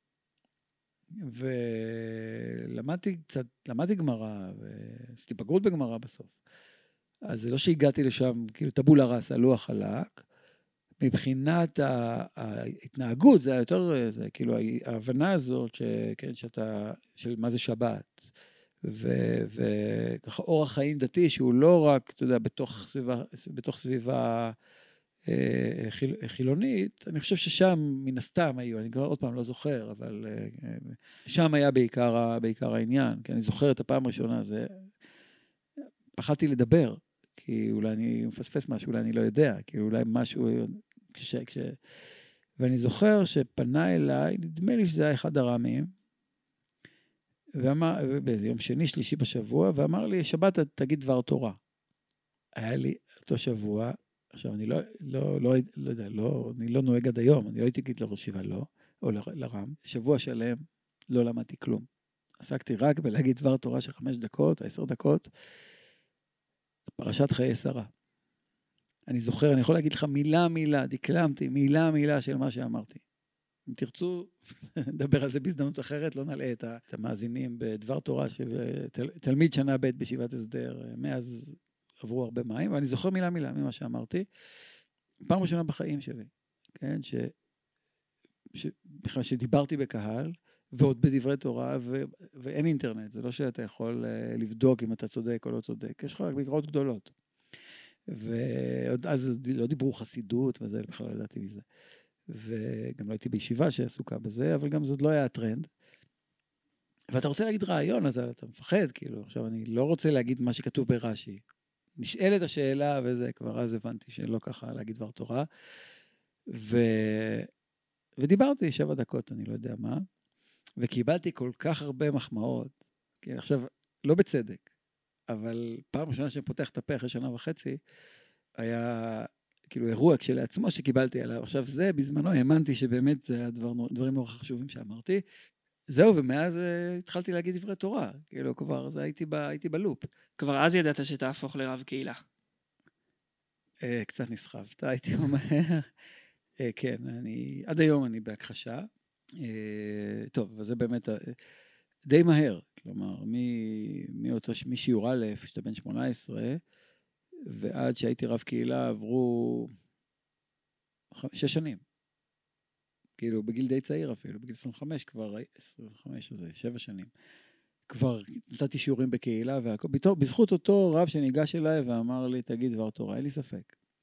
שזה כאילו המקום שהוא דחף אותי פנימה, והרגשתי נוח בפנימה הזה, או נתנו לי, נתנו לי את התחושה שוואלה, אתה, אתה יכול להיות שם. ו... אבל זה עדיין לקח זמן, אני לא, תמיד ניסיתי לצאת, להיכנס, כי העולם מעניין אותי יותר מאשר להצטמצם במקום מסוים, וכן רציתי ללמוד עוד דברים וכולי, אז לאורך החיים פשוט לקח לי יותר זמן, אבל אספתי דברים בחיים לאט לאט במקומות אחרים ודברים אחרים, ובאמת הסיבה שאני רב קהילה ולא מוכן לקבל שכר עליה, זה לא בגלל שאני כזה, לא אכפת לי מכסף, אלא בגלל שאני לא רוצה להיות מחויב טוטאלית למקום הזה, אלא שאני משוחרר גם להיות, כמו שאמרתי קודם, טרמפיסט. כאילו, לבחון וללכת בלי ששואלים אותי למה לא היית שבת, ולמה לא היית בחג, ולמה לא היית פה, ולמה לא היית שם. אז זה מאוד משחרר אותי, כאילו, המקום הזה שרוצים לשמוע את דבריי, אבל מצידי, אני, כאילו, מחר תיקחו מישהו אחר, לא אכפת לי. כאילו, אני לא, לא משועבד ואתם לא. שנותן חירות גדולה מאוד שאני מאוד אוהב אותה. אם מחר הקהילה תבוא ותגיד, החלטנו על מישהו אחר, אני לא מבטיח שאני אהיה נונשלנטי ואני אגיד אחלה, כן? יכול להיות שבסוף אתה בן אדם, אולי, אני לא יודע, אולי, אבל אני מנסה לשכנע את עצמי לפחות שהייתי שמח, אה, ואשתי מאמינה שבאמת הייתי שמח. אני לא נותן אמון בעצמי עד כדי כך. יכול להיות שבהמשך נחזור לרבנות הקהילה שלך, אבל בעצם אחרי קרני שומרון אתה מגיע לחברון? כן, הייתי בחברון תקופה קצרה. אה, לא פרק משמעותי. פרק משמעותי זה, אתה יודע, תלוי בעיני המתבונן. זה היה פרק משמעותי במובן, ש... במובן שבתקופה קצרה של כמה חודשים, אני לא זוכר, מחצי שנה או שמונה, אני לא זוכר בדיוק כמה זה היה, אתה יכול לקבל הרבה מאוד מהאווירה. לימוד ידעתי, כאילו כבר, אתה יודע, הייתי מספיק בשביל ללמוד, והייתי בדרך לארי פישל, ששם למדתי רבנות, סיימתי את מבחני הרבנות שלי ולמדתי שם דיינות. אצל אנשים באמת מדהימים, אבל זה פרק אחר רגע. חברון עצמה, סתם, אני זוכר הרבה מאוד מה, מהאווירה של תורה, כי הישיבה האחרת שהייתי קודם הייתה בתחילת דרכי, ופה זה פתאום כבר, אוקיי, הייתי בצבא, וזו הייתה תקופה משמעותית במובן של אווירה, והיידישקייט, ועשן הסיגריות, אה, שלא דיברנו עליו, כאילו, בביוגרפיה שלי, לא נעים, אבל גדלתי בבית אפוף עשן. כאילו, אבא שלי עישן שלוש חפיסות ביום. ולא לעשן, כן? לא לעשן, שאף אחד לא יעז לעשן. אבא שלי בן 85 עם שלוש חפיסות ביום, אבל אה, זה, זה נס. אז, אז מאוד אהבתי עשן סיגריות. אז אחת החוויות הכי חזקות שלי בחברון היה ללכת לבית מדרש ולנשום אוויר. אוויר, אוויר אה, לא צלול כיין. אוויר קדוש. אה, אוויר, כן. סיגריות של תורה, זה היה משהו ככה, אני זוכר את זה כחוויה, אבל גם הלימוד, וזה, אבל עוד פעם, זו תקופה קצרה, ואחר כך כבר למדתי במקום שהוא ככה על התפר שבין העולם החרדי לעולם הציוני-דתי בארי פישל בבית וגן. אז בעצם לפני שאתה מתחיל ללמוד דיינות, אה, אתה מתחתן, נכון? כן, כן. אתה מרבה לספר המון על זה שאתה ושושי החלטתם תוך שבועיים שאתם מתחתנים. אז אה, בוא קצת תספר לנו את הסיפור, זה באמת באמת היה שבועיים? קודם כל אני מדגיש תמיד זה 17, 17 ימים ולא שבועיים. אה, זה עוד שלושה ימים. אה, אבל, אה, תראו, אמרתי לכם קודם שאני די טרמפיסט. כלומר, אם משהו נראה לי בסדר, אני לא עכשיו מתחיל לחפור. כלומר, הכרנו, הגענו, נפגשנו בשער יפו. אה, כלומר, החברותא שלי, כן, בסדר, אמר, יש מישהי, וזה, היא בעייתית, היא לומדת רפואה, אבל נראה לי מתאימה לך. לא, לא תיארתי קודם, אבל טוב, אולי צריך לדבר על זה לחוד. לא, לא חשבתי ליברל או שמרן או לא יודע מה, אלא במובן אה, פשוט אה, כמתבונן על החיים ויודע לחוות אותם בלי לשפוט אותם, מה שאמרתי קודם. אז נפגשנו. הייתה חוויה מצוינת, אה, באמת יצאנו ארבע פעמים בשבעה עשר ימים האלה, ואחרי שבעה עשר ימים אמרנו, טוב, נו מה, כאילו, היינו ביפו, יצאנו, כאילו הסתובבנו בנמל יפו. ויש מלא מלא אנשים וזה בשעות הערב. ואמרתי לה, טוב, נו, מתחתנים? היא אמרה, כן, למה חיכית כל כך הרבה זמן? זו הייתה התשובה שלה. וזהו, וכך, כאילו בפשטות... גם פה צריך איזו המלצה למאזינים מה לנסות ומה לא לנסות בבית. תנסו, תנסו בבית, תתחתנו בלי חפירות, תשפטו לטובה תמיד, תסתכלו על העולם בטוב, תסתכלו על הדייט שמציעים לכם, לא שהחבר שלכם יתקשר אליכם ואמר יש לי הצעה בשבילך, אלא הריבונו של עולם יתקשר ואמר יש לי הצעה. יכול להיות שההצעה לא יכול להיות שגם הקדוש ברוך הוא רק בוחן אותנו, כן? לא תמיד גם הצעה של הריבונו של עולם צריך לקבל בדייטים, אבל צריך להסתכל על זה יותר ברצינות, ולא בקלות. וגם, אה, כאילו, הדיוק הזה באופי, שצריך בדיוק והכל, אני חושב שהחיים מרככים, החיים מלמדים, ומבט טוב וכולי, אפשר, אפשר, אפשר לצלוח הרבה מאוד בחיים. וכמו שאתם יודעים, הזוגיות בינינו היא זוגיות שדורשת הרבה מאמץ. כן, אה, כאילו, אישה שהיא בסופו של דבר אה, אה, עסוקה הרבה מאוד בקריירה, בלתקן עולם, בלא יודע מה, ב, לא יודע איך לקרוא לזה, באמת בנונסטופ, כאילו בריפוי, במחקר, בהרבה מאוד דברים. ובתוך זה לנהל את הבית, שכאשר שנינו אנשים שבסוף עסוקים, זה, זה דורש הרבה הרבה הרבה מאוד מאמץ, שבזמנו כשהכרנו הרבה אנשים הזהירו אותי מפניו, הזהירו את שנינו מפניו. אה, אותה מללמוד רפואה ואותי מל... מלשאת סטודנטית לרפואה. בסדר, בסופו של דבר, זה לא ש... אני לא יכול להגיד לכם, וואלה, הצלחנו, לא הצלחנו, כי זה לא הדיון, כאילו. בסופו של דבר זה לא שאני מסתכל אחורה ואומר, אם הייתי עכשיו חוזר אחורה ויודע מה שאני יודע, אם הייתי כן או לא, אני אפילו לא שואל את עצמי שאלה, זה לא רלוונטית. שאלה לא רלוונטית. בסדר, אני, הילדים שלי עלולים, לשמוע, את ה, לשמוע את הפודקאסט הזה, אז אני לא אגיד דברים אישיים עליהם, אבל ברוך השם, גם הם הלכו בעקבותינו. נסתפק בזה. בעצם בזמן שאתה לומד רבנות וממשיך לדיינות, אתה זה שמגדל את הילדים. תשמע, אתה יודע, אני לא... אני יודע שאנשים לא אוהבים את המושג של uh, quality time, זמן איכות, כאילו, שזה לא משנה כמה אתה עם הילדים שלך, השאלה אם הזמן שאתה עם הילדים הוא איכותי או לא. Uh, אז זה לא, מה זה מגדל? לגדל, לתת אוכל ולא יודע מה, ולקחת מהגן, להחזיר מהגן, בית ספר, לא בית ספר, לדעת מה קורה, וזה, זה לא, זה גידול ילדים, זה חשוב מאוד, אני לא מזלזל בזה. אבל גידול ילדים זה גם זה שבסופו של דבר, אה, אם הבן הגדול נשוי לרופאה והבת אה, לומדת רפואה, אז כנראה שהם ראו באימא מודל לחיקוי, ו- ו- וכולם אקדמאים. ו- וגם אנשי תורה, כאילו גם, כאילו גם בעולם, בעולם, בעולם האמונה והמצוות. אז, אז כן היה, כאילו היה משהו שכשאימא שלהם, כשהם היו די צעירים נגיד, וכשהיא קיבלה פרס, לא זוכר אפילו משהו כאילו זה היה הרבה פשוט, אז אני לא זוכר איזה מהם. וכולם עומדים שם, כאילו אני יושב, וכולם, כשאימא שלהם עולה לקבל ודיברה, אז כולם עומדים ומוחאים לה כפיים, חמישה ילדים, כל הקטנים, עומדים ומוחאים לה כפיים. אז יש מקום בלגדל, זה גם לתת אופקים, זה גם אה, לדעת אה, לכוון, זה גם אה, אה, מוקדי הזדהות, ואני חושב שזה חלק חשוב מהגידול. ולכן, אחד מהדברים שהחלטנו בתור זוג, זה גם אני חושב, אני חושב שזה נכון לכולנו, אה, הוא לא לגדל ילדים עם ייסורי מצפון. כלומר, כשאתה בעבודה, תהיה בעבודה ואל תרגיש ייסורי מצפון כשאתה בבית, וכשאתה בבית אתה מרגיש ייסורי מצפון, למה אתה לא בקריירה? ואז הילדים לא חווים את זה שאתה איתם, או העבודה לא חווה את זה שאתה איתם, אלא שניהם חווים את ייסורי המצפון שלך. שאתה לא באמת רוצה להיות לא בעבודה ולא אצלם, כי כל פעם אתה חושב על השני. ואחת ההחלטות שלנו הייתה שאיפה שאתה נמצא, אתה נמצא. ומה שאתה עושה תעשה שלם, והילדים יהיו כרגע אלו שהם second best. וכשאתה בבית הם יהיו, כלומר, כאילו כזה שואלים, מה העיקר? זה הבית או העבודה? איפה שאתה נמצא זה העיקר. ולא משנה איפה אתה נמצא, בצבא, בזוגיות, בלימודים, איפה שלא יהיה, תהיה שם. ו- והחיים הם מעברים בין להיות מלא בנקודות מסוימות בלי איסורי מצפון, אפרופו אורות התשובה. אז אתה בעצם לומד דיינות בהארי פישל, אבל אתה לא מסיים את לימודי הדיינות שלך, נכון? כן, לא, לא סיימתי את לימודי הדיינות. היו הרבה סיבות, אני לא רוצה להאריך בזה יותר מדי. אפילו מהסיבה הפרוזאית שאתה בן 29 עם חמישה ילדים, עם אישה שעדיין לומדת ועוד תלמד הרבה שנים עד שבכלל אה, צריך לפרנס בית, ואפילו מסיבה כזאת זה היה מעמסה גדולה מאוד. ו... אבל גם מסיבות אחרות, אה, אולי קצת יותר מהותיות, רק העניין הכלכלי היה העניין, אני לא יכול להכחיש אותו, זה לא רק סיבות אה, כאלה רוחניות מדי. אבל הדבר השני שהיה, שכל הזמן ליווה אותי, היה התחושה שאני לא רוצה להיות דיין. וגם כשהלכתי לא רציתי, גם כשלימדתי רבנות לא רציתי להיות רב. אבל uh, הרגשתי שפשוט זה מסקרן אותי, זה מעניין אותי, ללמוד אצל רב זלמן נחמיה גולדברג, או ללמוד אצל uh, הרב יעקב ארפטיג, או ללמוד אצל הרב עוזי קלחיים. אנשים שבשבילי היו באמת מאורי הדור.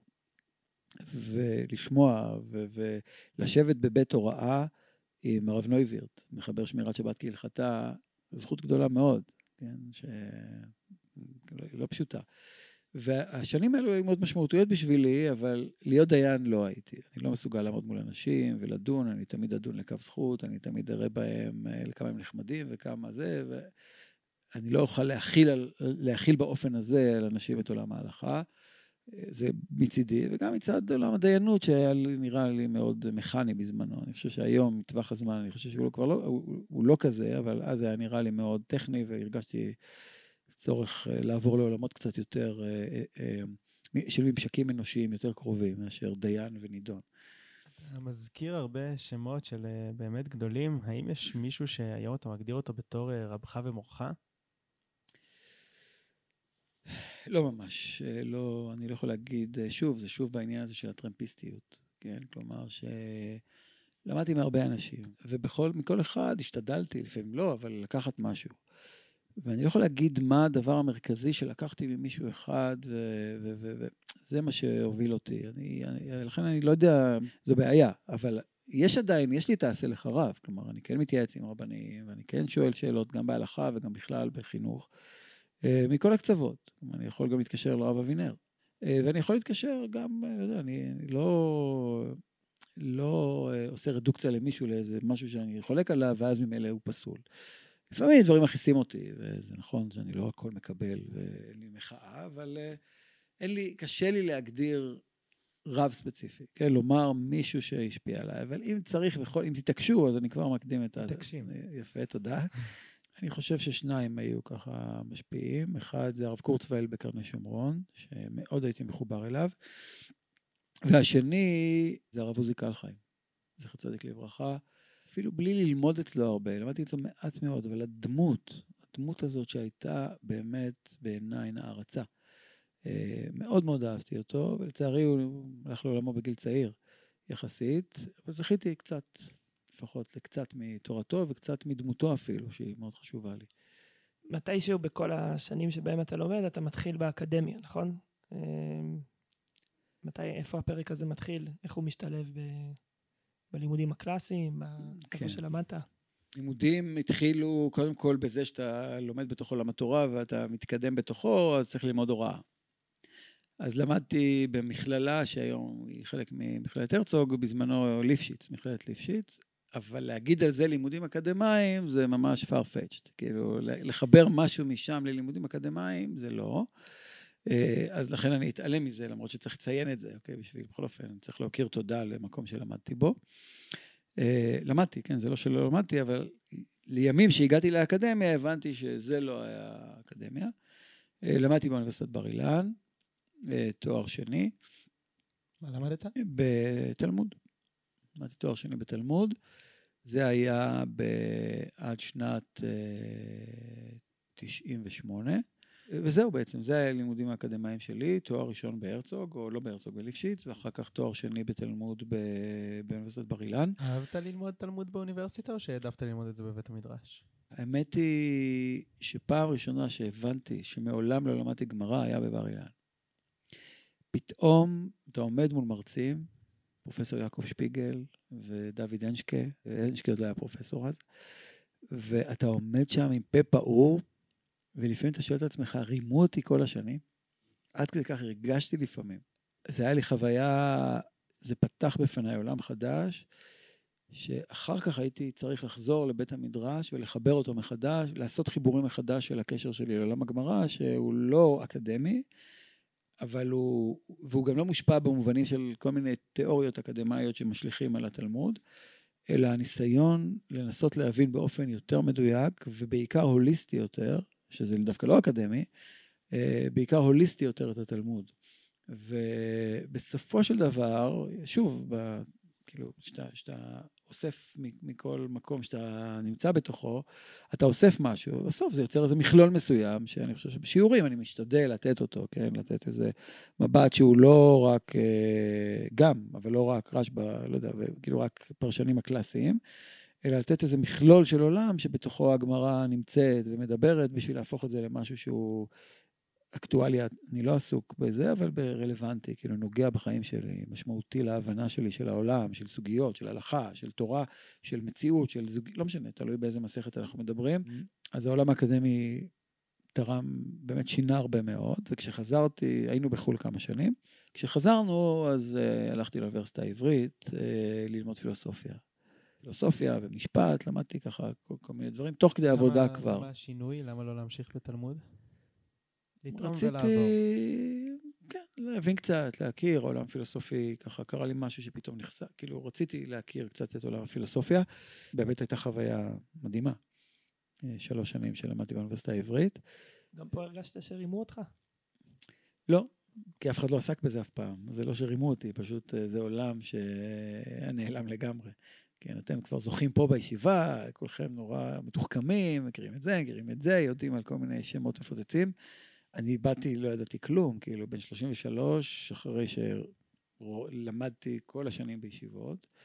אה, בתור נער אתה לא לומד פילוסופיה, אה, או שום דבר, כאילו, היסטוריה בקושי. כלומר, זה כן ידעתי, אבל זה עולם שעניין אותי, אבל לא נחשפתי לשום דבר בפילוסופיה. אחר כך כבר התעניינתי. אז אתה בעצם כותב שם דוקטורט? אוניברסיטה העברית? התחלתי והפסקתי, כן. במה התחלת לכתוב? התחלתי לכתוב בפילוסופיה של ההלכה. רציתי, הנושא שלי היה, והגשתי אותו כבר, וקיבלתי אישור, והתקדמתי בו. כבר היה נושא כזה, פילוסופיה של ההלכה.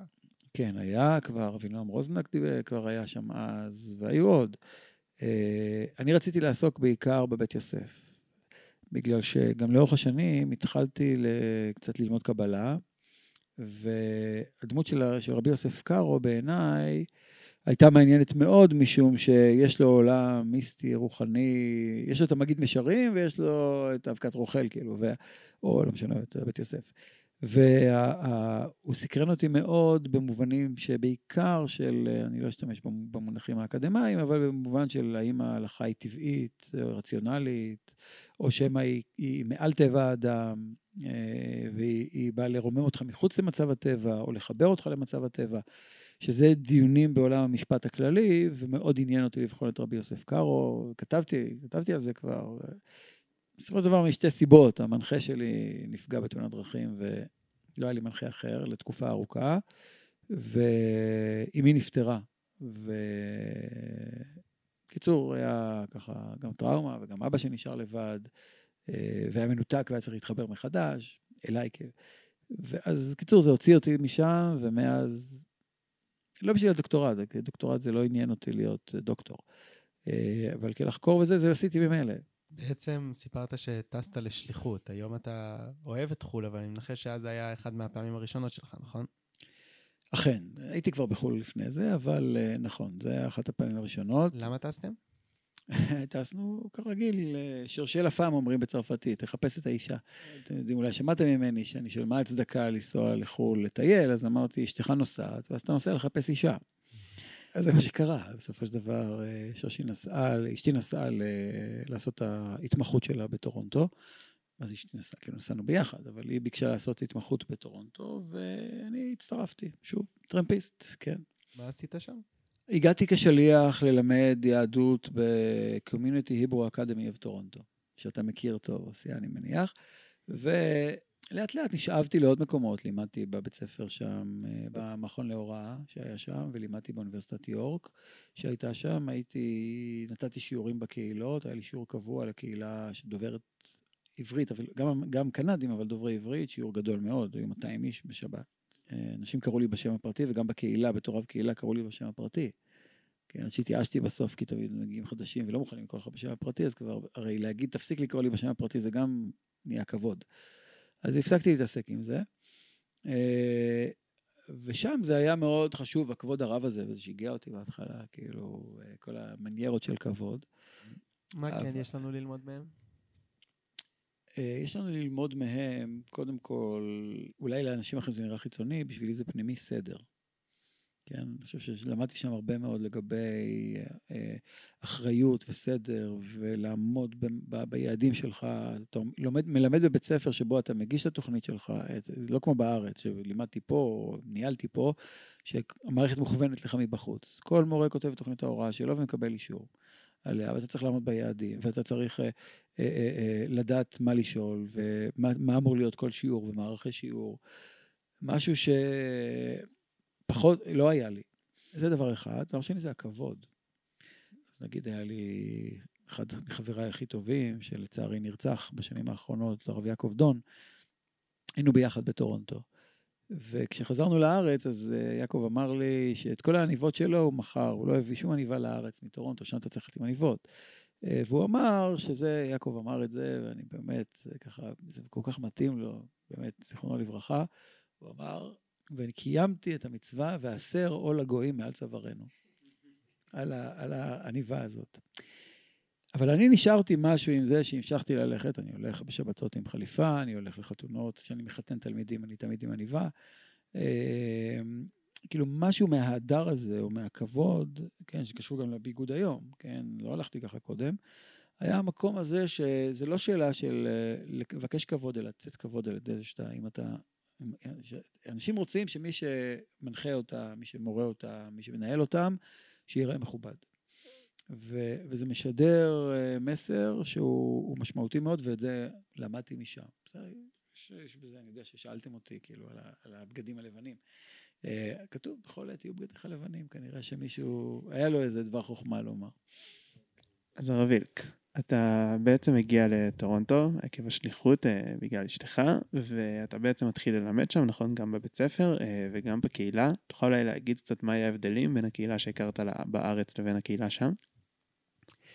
טוב, קודם כל צריך לומר שהחוויה של השלוש שנים בטורונטו הייתה חוויה מעצימה ובאמת אה, גדולה מאוד. היא היוותה בשבילי מקפצה גדולה מאוד אה, לכל העולם שאני נמצא בו היום, הן מבחינת התפקידים ומבחינת החשיפה אל העולם והצרכים שלו והשאלות שלו. אה, ואני לא מתכוון עולם במובן של עולם יהודי וכולי, אלא במובן היותר פנימי של הדברים, כן? לא במרחב ולא בזמן, אלא בתודעה. לאורך, ה, לאורך שלוש שנים יצא לי ללמד בהרבה מאוד מסגרות. ביקשו ממני אפילו ללמד בבית כנסת אה, רפורמי, אה, או קונסרבטיבי, אולי קונסרבטיבי. אה, והסכמתי ללמד, אבל לא הסכמתי ללמד את זה בבית הכנסת שלהם, והם באו אה, למקום ניטרלי, אני לא רציתי להיכנס לשם. אה, לא כל כך בגלל, גם, כנראה אולי גם בגלל הנראות, אבל גם מעבר לזה, בעניין של אי הנוחות שלי מה... להיות במקום, אה, במקום שלא נוח לי מבחינה רוחנית ודתית פה. אה, אבל קיבלתי מאות האנשים, ולמדנו במשך שנתיים, פעם בשבוע, חבורה גדולה מאוד. ולמדתי להכיר גם את הצד הזה של יהדות צפון אמריקה. על, על המורכבות שלו, על, על העומק ועל חיפ... בקשת אלוקים שוודאי הייתה שם מול uh, המחויבות לעולם של מצוות, uh, ודת שהיא אוניברסלית ולא בהכרח יהודית בעיניהם הרבה פעמים. שאלה ששאלת, אוסיה, לגבי uh, ההבדל בין הקהילות, אז קודם כל הקהילה שלי מראש היא, היא יוצאת, חלקה הגדול יוצא המדינות האנגלו-סקסיות, כלומר צפון אמריקה ואנגליה. אז מילא זה לא שנפלתי מהכיסא, אבל עדיין יש הבדל גדול בין חוויה ישראלית לבין חוויה של חוץ לארץ, ברשמיות, אה, שם הלכתי עם עניבה, אה, והזכרתי את זה כבר נדמה לי. וגם ה, כאילו המקום של החברויות הוא היה מקום שונה לחלוטין, שבשבילי, כאילו בקהילה שלי קוראים לי בשם, קוראים לי בשם הפרטי שלי, כאילו לא היה... לא יודע, זה לא היה חשוב, לא בעיניי, ואנשים התרגלו לזה שקוראים לי בשמי הפרטי, ושם זה לא יעלה על הדעת. כאילו, אפילו בין אדם לחברו זה מיסטר ומיסיס וכל מיני דברים כאלה, וגם uh, פתאום הייתי צריך להתרגל שלוש שנים לכבוד הרב. אז בעצם בטורונטו אתה פוגש את הרב ריסקי, נכון? כן, בטורונטו אני פוגש ממש בחצי שנה האחרונה לפני שחזרנו לארץ. אז רק נספר למאזינים, הרב ריסקין שהקים את אה, בעצם רשת מוסדות אור תורה, שישיבת מחניים היא חלק ממנה, ומכהן כרב היישוב אפרת. אז הרב איליק, תוכל לספר קצת על הפגישה הזאת, איך משם אתה מגיע ונכנס לאור תורה? כן, זה היה בתחילת החורף של אה, שנת, אני חושב, 2002, אה, חצי שנה לפני שחזרנו לארץ. אה, אני לא הכרתי את הרב ריסקין קודם, חוץ משמו, כמובן אה, ידוע, ידוע מאוד, אבל לא הכרתי אותו אישית. אה, הוא הגיע לטורונטו, אולי לאיסוף כספים, אולי לשיחות, שהוא עשה גם את זה וגם את זה, אני מניח, ואז אני מקבל שיחת טלפון ממנו אישית, שלום, מדבר, אמר את שמו הפרטי, אני לא אומר את זה, אמר, הרב שלמה ריסקין, אבל הוא לא השתמש במילה הרב. ואני אשמח להיפגש איתך. ואז יש שני נרטיבים לסיפור של למה הוא פגש אותי. הסיפור, הכיסוי לפחות היה שבתחילת השיחה ישבנו באיזה מסעדה אה, בטורונטו בשעות בוקר מוקדמות, והוא אומר לי, תשמע, הנכד שלי רוצה לראות הארי פוטר, את הסרט הראשון שיצא בזמנו, ואמרו לי שאתה בקיא בהארי פוטר, אני רוצה להתייעץ איתך על הסרט, על הספר, ואם נכון או לא נכון, וישבנו איזה 40, שעה וחצי אולי. אחר כך עוד 40 דקות פתאום התהפכה השיחה, אבל בהתחלה זה היה על אה, מה המשמעות של הכשפים ועל עבודה זרה, ונכנסנו לנושאים תיאולוגיים מאוד. וגם ניסיתי להסביר את ה... אני לא זוכר כבר איזה ספר יצא, אז הסרט הראשון, אולי כבר היו שלושה ספרים או שניים, אני כבר לא זוכר, ואני מאוד, אה, ככה, בעקבות הילדים שלי, אבל אה, מאוד אהבתי את הספרים. וגם זכיתי לקרוא אותם באנגלית, אז, אז בכלל הקדמתי את הישראלים. שזה עוד יתרון להיות בטורונטו. דיברנו על, ה, על, ה, על הארי פוטר ואת העקרונות והרעיונות, וככה ניסיתי להעמיק בעניין, ואז פתאום בסוף הוא אומר לי, יש לי איזה בית ספר בישראל שאני רוצה שתנהל אותו. ואז פתאום, כאילו, אני קצת, אה, לא, זה לא היו הכוונות שלי מראש, לא חשבתי על הכיוונים הללו. מה חשבת שכן תעשה?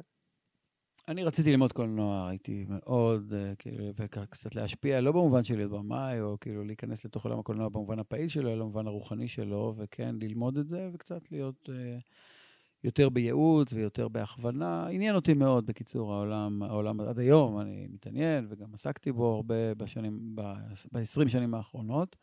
אבל... נשאר בתור תחביב. לגמרי, כן. פעם הייתי אומר לך לצערי, היום כבר אני לא אומר לצערי. כלומר, מאז שאני פה בישיבה, אני חושב שהקדוש ברוך הוא גלגל אותי נכון למקום שהייתי רוצה להיות בו באמת. אה, וגם פה אפשר לעשות משחקים לפעמים. זה היה הנרטיב הפשוט, כאילו, שככה אני נתקלתי. אחר כך הרב ריסקין, תמיד אה, כשסיפרתי את הסיפור, אז הוא הכחיש ואמר שמראש הוא בא אליי בשביל 40 דקות האחרות, אבל פשוט זה היה הכרס שהוא רצה, כאילו, הוא עשה עליי פישינג. כן, כלומר, הוא ניסה לדוג אותי דרך זה שאם נדבר על משהו שמעניין אותי, בסדר, אז אה, הוא הצליח. הוא הצליח.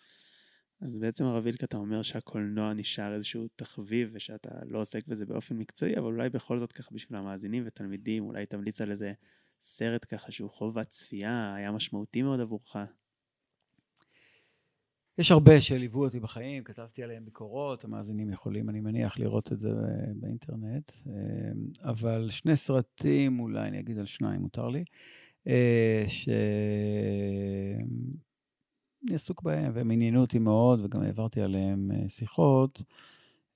אחד זה סרט של קלינט איסטווד שנקרא מיליון דולר בייבי. סרט שבעיניי גאוני.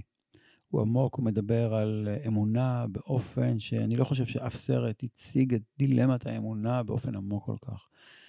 האמונה בקדוש ברוך הוא, שמחוברת לאמונה באדם, שמחוברת לאמון בי, בעצמי. והמקום וה, הזה של מאמן, מאמן אגרוף, שמגיעה אליו בחורה, די מבוגרת כבר, שרוצה להיות אלופת העולם באגרוף, הילרי סוואנק, היא השחקנית אה, שמשחקת את המתאגרפת. הסרט הזה, הוא היה, בפעם הראשונה שראיתי אותו, כבר הבנתי, כאילו מיד, תוך כדי, כבר הייתי מספיק בקיא בשביל להבין שיש שם סוד. על המקום של עוצמה של הקשר, שאם אדם לא מאמין בעצמו ולא מאמין בזולתו, לא יאמין גם באל, והפוך. וזה עורר בי מבחינה חינוכית, דיברנו על זה בפרק אחר, לגבי חינוך. והתחושה שלי הייתה תמיד שהרבה תלמידים שהם אה, עוזבים את הדת, הם עוזבים אותה, ותמיד דיברו על סטטיסטיקה שתלמידים עם הפרעת קשב וריכוז עוזבים הרבה את הדת, או אנשים עם קשיי למידה עוזבים את הדת. והיה לי מחשבה אחרי הסרט הזה, שבעצם הסיבה שהם עוזבים את הדת לא בגלל שהם חסרי סבלנות ודת דורשת סבלנות, אלא בגלל שאף פעם לא נתנו בהם אמון. ומי שלא נותן אמון בעצמו והזולת לא נותן בו אמון, הוא, השריר של אמונה חסר בו, ואז גם באל אי אפשר להאמין. והסרט הזה עשה, באמת, היה לי כל כך הרבה מחשב, עד היום, אני סרט של, לא יודע, למעלה מ-20 שנה כבר, אני לא יודע אם ראיתם אותו בכלל. ראית אותו, ראיתם אותו. ובעיניי הוא סרט מעמיק מאוד, שהסרט שמשלים אותו בעיניי זה האביר האפל. שזה, אבל זה קיצ'י לדבר על האביר האפל, כי כולם יגידו, וואו, איזה סרט וכולי. אני לא בטוח שכולם עסוקים בהבנה הזאת של כל הדילמות שיש, מהדילמת האסיר שמופיעה שם עם שתי ספינות, אם אתם מכיר, זוכרים את זה, ו- ועד הדו-פרצופיות הזאת של צד אחד שחור וצד אחד לבן, של המקום של הטוב והרע, שהצד הרע הוא, הוא מתחפה, יש בו הרבה תחפושות, מול הג'וקר, הסרט שיצא, כאילו, על הג'וקר, הסרט, כן, ג'וקר, שבעיניי הוא פסול מעיקרו ואני מאוד מתנגד לו. דווקא אביר האפל, הרבה מחשבות היו לי, כן? כאילו, על המקום של טוב ורע, של העכשיו וה, ואחר כך, נכונות להקרבה, כל מיני דברים שהם קלאסיים, אבל כן, זה לא, לכן אני אומר שיש משהו מהקיץ', אבל מצד שני, טוב, נולן הוא כאילו כבמאי, אפשר להכחיש את סרטיו בכלל, כולם הם מדהימים. כל מי שאני מכיר, לפי כל הסרטים שאני מכיר, אבל האביר האפל הוא באמת masterpiece שבעיניי הוא מתעלה על כולם. תודה רבה. אז באמת ניהלת את uh, בית הספר המשך דרך אבות uh, כמה שנים? עשור. ולאחר מכן המשכת והקמת בעצם את הישיבה פה, את מחניים. כן, אכן. אז באמת נראה לי אחד הדברים שמאפיינים אותך כראש ישיבה זה שלא צמחת רק בעולם הישיבות, אלא שגם הגעת מתוך עולם החינוך. אתה חושב שזה משפיע עליך כראש ישיבה? זה משמעותי? אה, אין ספק, היום ששואלים אותי מה, ככה, סתם אנשים שרואים אותי ושואלים אותי מה אני עושה, אני אומר שאני מורה, אני לא אומר שאני ראש ישיבה או רם או משהו כזה, כי אני בסוף מורה. אה, וגם כשאני עומד אה, מול תלמידים, אני, אני חושב שהוראה טובה היא הוראה שבה מורה עומד בכיתה ולומד, ולא רק מלמד. וכשמרצים באוניברסיטה, הרבה פעמים יש לך את הפתקים שלך וכולי, ואתה זורק אותם על התלמידים. אה, ואני רואה בעצמי שאם אני, נגיד, אה, אפילו ראיתם בשבוע שעבר שנתתי שיעור, ואני בדרך כלל לא נותן שיעור שנתתי בעבר. ונדיר מאוד, כאילו, אני משתדל שלא. אז ברור שהרעיונות חוזרים וכולי, אבל אני משתדל להכין מחדש ולמצוא מקומות ולגוון וכולי, וכשאני חוזר על עצמי, אה, אני אף פעם לא מצליח ללמד, כי אני לא לומד. אני לא מרגיש שמשהו מפריע אותי, שהשיחה הזאת, ואז היא משעממת אותי, והיא משעממת אותי, אז גם, אני מניח שגם אתם משתעממים. אמ, איזה דילמות חינוכיות שונות בעצם בין העיסוק בתלמידי תיכון לעיסוק בתלמידי ישיבה? האמת היא שכשעזבתי תיכון ועברתי לישיבה, קיוויתי שההבדלים יהיו יותר גדולים, והם לא כאלה גדולים. עדיין יש הבדלים אה, גדולים מאוד, משום שקודם כל, תיכון דרך אבות הוא תיכון שהיה פתוח לכל, אני מאוד האמנתי במיון מינימלי מאוד, רק לגבי התאמה בכלל למסגרת, אבל ובית ספר צ'יק צ'אק הפך להיות, במהירות גדולה מאוד הפך להיות הבית ספר הגדול בגוש, הגדול בגוש עציון, התלמידים הגיעו. ישיבת מחניים לעומת זאת, היא דווקא ההפך הגמור מבחינת, מבחינת האליטיזם שבה. כלומר, אני בישיבה שלא כולם צריכים להגיע, ויש מספיק אה, מכינות וכל מיני, יש כל כך הרבה אפשרויות לתלמידים למצוא את מקומם והם לא צריכים להיות ליד הבית. אז פה דווקא אני הרבה יותר אליטיסט. כלומר, אני חושב שזו התורה של מחניים, אה, והתלמידים שלנו הם חבורה... אה, נבונה מאוד, אליטיסטית מאוד, ביקורתית מאוד. הרבה אנשים יגידו אליטיזם בתור מילת גנאי או ביקורת, ואתה דווקא מתהדר בזה בגאווה. כן, לא, כלומר, אני לא יודע מה אנשים אומרים כל מיני דברים, אבל אני פחות הולך אחרי אה, כל מיני סיסמאות רומנטיות כאלו, שכשצריך פלורליזם, צריך פלורליזם, כשצריך הטרוגניות, זה אחלה. אבל uh, כשאנחנו מדברים על הצמחה של הנהגה, כשאנחנו מדברים, אנחנו כעם ישראל, אנחנו מאמינים שאנחנו אליטיסטים, אנחנו מאמינים שנבחרנו. אני מבין את מי שאומר את זה, משום שאליטיזם בסך הכל, בהיסטוריה, הפך להיות uh, מקום לרועץ, כלומר, מקום שבו האליטיזם שולל את הזכות של האחר, את, החיר, את, ה, את החירות של האחר, את ההשכלה של האחר, את האמירה של האחר. ופה האליטיזם שלנו הוא אליטיזם מכיל, והוא לא אליטיזם uh, שולל. כלומר, אנחנו פחות עסוקים בשלילה ועסוקים ביותר, בואו תהיו מנהיגים, תיקחו אחריות, תהיו אנשים בעלי משמעות. ואני חושב שכל מי שמבקר פה, אה, אתמול אפילו פגשתי מישהו שאני לא מכיר, שאפילו הסתבר לי שהוא לומד איתך, מישיבת שיח, אני לא אזכיר את שמו, כאילו נדהם מהעוצמה של, שלכם, כאילו מהעוצמה של תלמידים פה בישיבה, שהיא לא עוצמה של אה, אליטיזם, לא מוביל לסנוביות, הוא לא מוביל לתחושה שאני ואפסי עוד. אפשר אפילו במובן מסוים, אה, כן, של ה Übermensch, של ניטשה, אה, שכפי שניטשה רצה אותו, לא כפי שהסבירו אותו, כן. אז בסוף, נכון שאפשר להטיל אשמה על אליטיזם שהוא גורם למעמדות, והוא גורם בכל מה שאנחנו רואים בעולם, אבל זה לא שולל, כלומר, ברגע, זה שהתנהגות לפעמים מייצרת מצב שבו רעיון דוחה אותך, כי תראה לאן הוא מוביל, אה, לא אומרת שצריך אם הרעיון נכון, ואם חושבים שצריך הנהגה מובילה, אליטיסטית, שהיא יודעת, שהיא חכמה, ולא כמו חלק מחברי הכנסת שאנחנו מכירים, ש... שהם אפילו לא האליטיזם של המקומות שהם באים מהם, כן? ואני אה, לא חושב שהם מייצגים אפילו את. את האנשים שהם באים, ההמוניות והזלזול והצעקות וכולי. אני רוצה שהנהגה אה, שמוב... שתצמח פה, אנשים יראי שמיים, שיש להם משהו אליטיסטי. אני רוצה, בקיצור, אני רוצה יהודים אליטיסטים.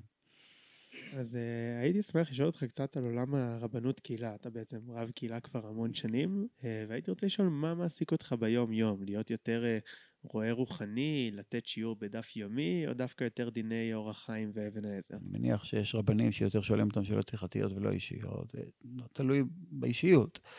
Uh, לאורך השנים למדתי להקשיב, או למדתי, כאילו, כבר זיהיתי, גם בגלל שהייתי מחנך הרבה שנים, וגם... Uh, אה, זוגות שאתה מחתן ומלווה אותם, אז לאט לאט, וגם הלכתי שנה שלמה לפסיכולוג, לטיפול פסיכולוגי בעצמי כדי ללמוד, לא כללמוד פסיכולוגיה, למרות שגם הלכתי ללמוד פסיכולוגיה באיזה שלב, אבל כדי להכיר, אני מניח שגם זה עזר לי, אני יודע, לא, אבל זה לא היה הסיבה שבגללה הלכתי, הצורך האישי שלי, אולי השתמשתי בתירוץ, לא יודע, אבל בכל אופן, השנה הזאת מאוד עזרה לי. אה, ואור תורה אפילו, הרשת שלנו, אור תורה סטון, מימנה לי, כאילו, את הטיפול הפסיכולוגי הזה, כי רציתי, זה היה עוד שהייתי בדרך אבות, כי רציתי להכיר, אני מציע לתלמידי לתלמידים, ללכת לפסיכולוגים, להבין מה זה.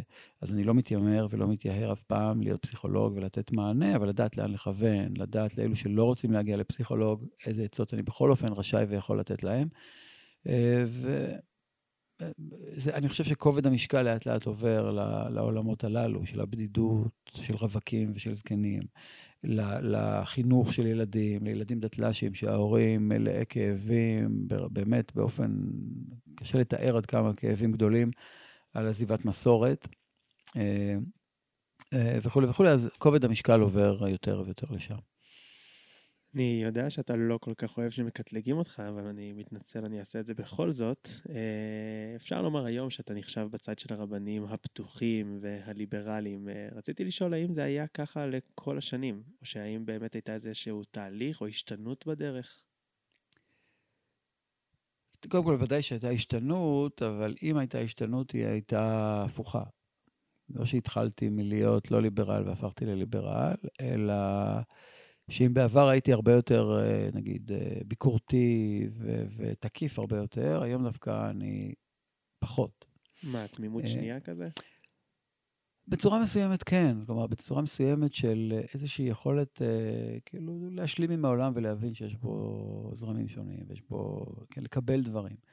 אז אם הייתי מאוד, אה, השתתפתי בכל מיני קבוצות וזה, והאמירות שלי היו יותר, אה, נגיד, על הצד השמאלי של, לא פוליטיקה, פוליטיקה מעולם לא עסקתי בה והיא לא מעניינת אותי, אבל בעולם הרוח, אני חושב שמראשית הדרך הייתי מאוד, מאוד פתוח, תמיד. כלומר, כן, אני זוכר שכשהכירו לי את אשתי בגיל צעיר, כן, את שושי, אחד, אחד הדברים היה שאף אחד לא התחתן עם סטודנטית לרפואה, ובשביל, ומי שהכיר לי אותה, חברותה שלי, עד היום אחד החברים הטובים שלי, אה, הבין שאני, מתוך העולם הפנימי שלי, אה, הוא חשב שזה יהיה מתאים.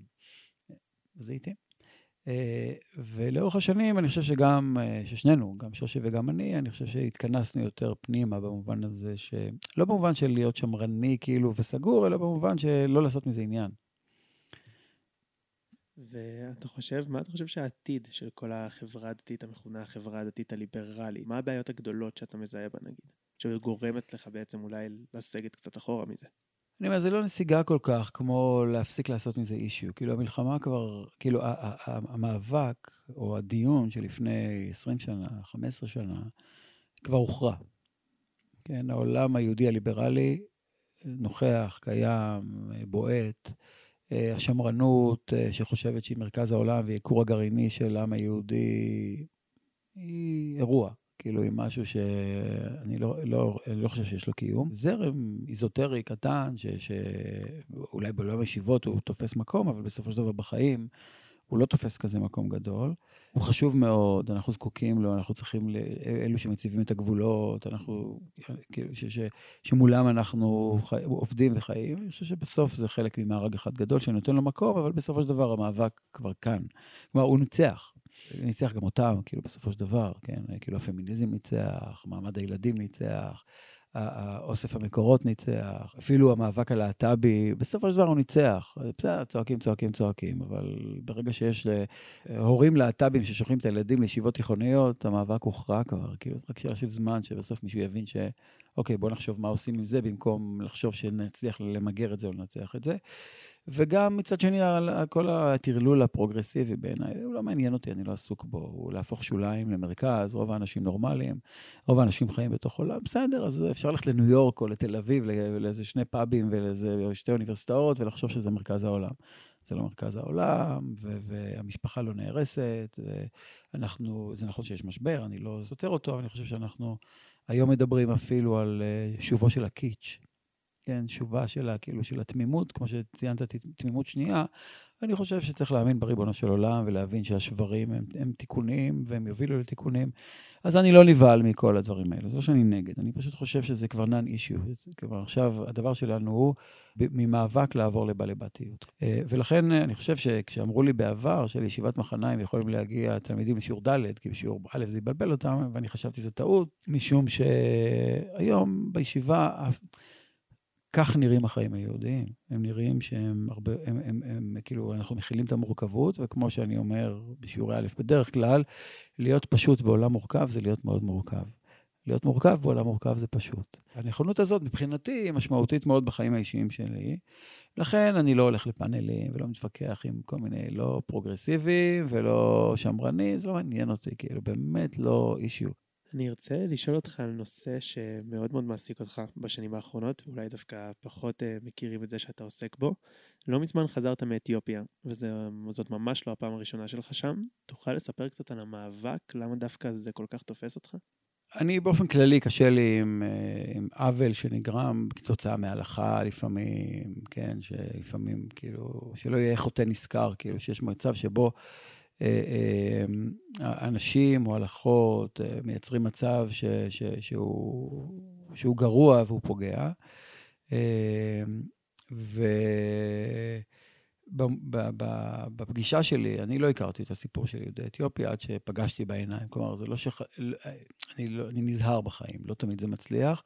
לא לשפוט לפני שאני מכיר. אבל ברגע שהכרתי את הנושא הזה, בעקבות תלמידים שביקשו להגיע לפה, ונסעתי לשם, וגם לא גיבשתי דעה בהתחלה בכלל, רציתי ללמוד, ראיתי את פנקסי הקהילות, דיברתי עם אנשים, ראיתי את הרשימות, נסענו לבתי הקברות העתיקים, אה, גילינו את הגניאולוג, כאילו את הקשרים המשפחתיים למי שכבר עלה, למדתי את אה, ספרות התשובות של הדורות האחרונים. כבר הדורות האחרונים, זה עוד כבר מהמאה ה-15, 14, אבל מהדורות האחרונים בעיקר זה נפקא מינה. ואני חושב שזה אחד, אחת העוולות שמדינת ישראל עושה, שאני כאילו, שאני באמת מזועזע ממנה, היא מאוד כואבת לי. היום הייתה כתבה במק... בישראל היום נגד העלייה מאתיופיה, כתבה מלאה בורות ורשע. לא מכירים את הנושא הזה בכלל. הם אה, ניזונים מכל מיני אה, גזענות מעורבת בחלקי מידע, מעורבת בשמרנות, אה, לא יודע מה, מעורבת בפחדים, לא יודע, המון המון דברים. אה, ובסופו של דבר היא, היא בעיניי נוראית. החברה הישראלית מתנהגת באופן גזעני, יותר מדי חלקים מהחברה הישראלית הם גזענים, כלפי ערבים, כלפי שחורים למיניהם, אה, כלפי, עכשיו זה לא קשור כרגע, עובדים זרים, אני לא השתתפתי מעולם במאבק, אני חושב שהם צריכים לחזור לארצות מוצאם, אבל ברגע שהם פה, אף, כלומר, אף, אף בר דעת לא יגיד שלא צריך לתת להם זכויות, כאילו, את היכולת לחיות בכבוד וכולי, כי בסוף, בלי קשר, אני לא רוצה להגיד, אנחנו יהודים, זה נכון. כן, גומלי חסדים. אה, אבל, ואהבת את, את הגר, זה לא הגר שמתגייר, זה הגר שגר אצלך בארץ, כן, ויכול להיות שהיינו, לא, בטוח שהייתי שמח שהעובדים זרים לא היו פה. יוצאי אתיופיה, זה נכון שחלקם הם דור שני, דור שלישי, עברו איזו התנצרות בדרך. אני שואל את עצמי שאלה הלכתית, קודם כל, מה מעמדם ההלכתי, ו, אה, ועם יזרע ישראל, אה, או שיש ממש, ודאי, אפילו עדיין ביתא ישראל שם בצורות מסוימות. אה, אני, בכל פעם שמישהו הסכים לדבר איתי, לא רק איתי, עם עוד רבנים שהתאספנו ביחד, ועד הרבנים והקייסים למען יהודי אתיופיה, כל מי שמוכן להיפגש, משתכנע. סתם, לא, לא במובן של רחמים, אנחנו לא מבקשים אמפתיה.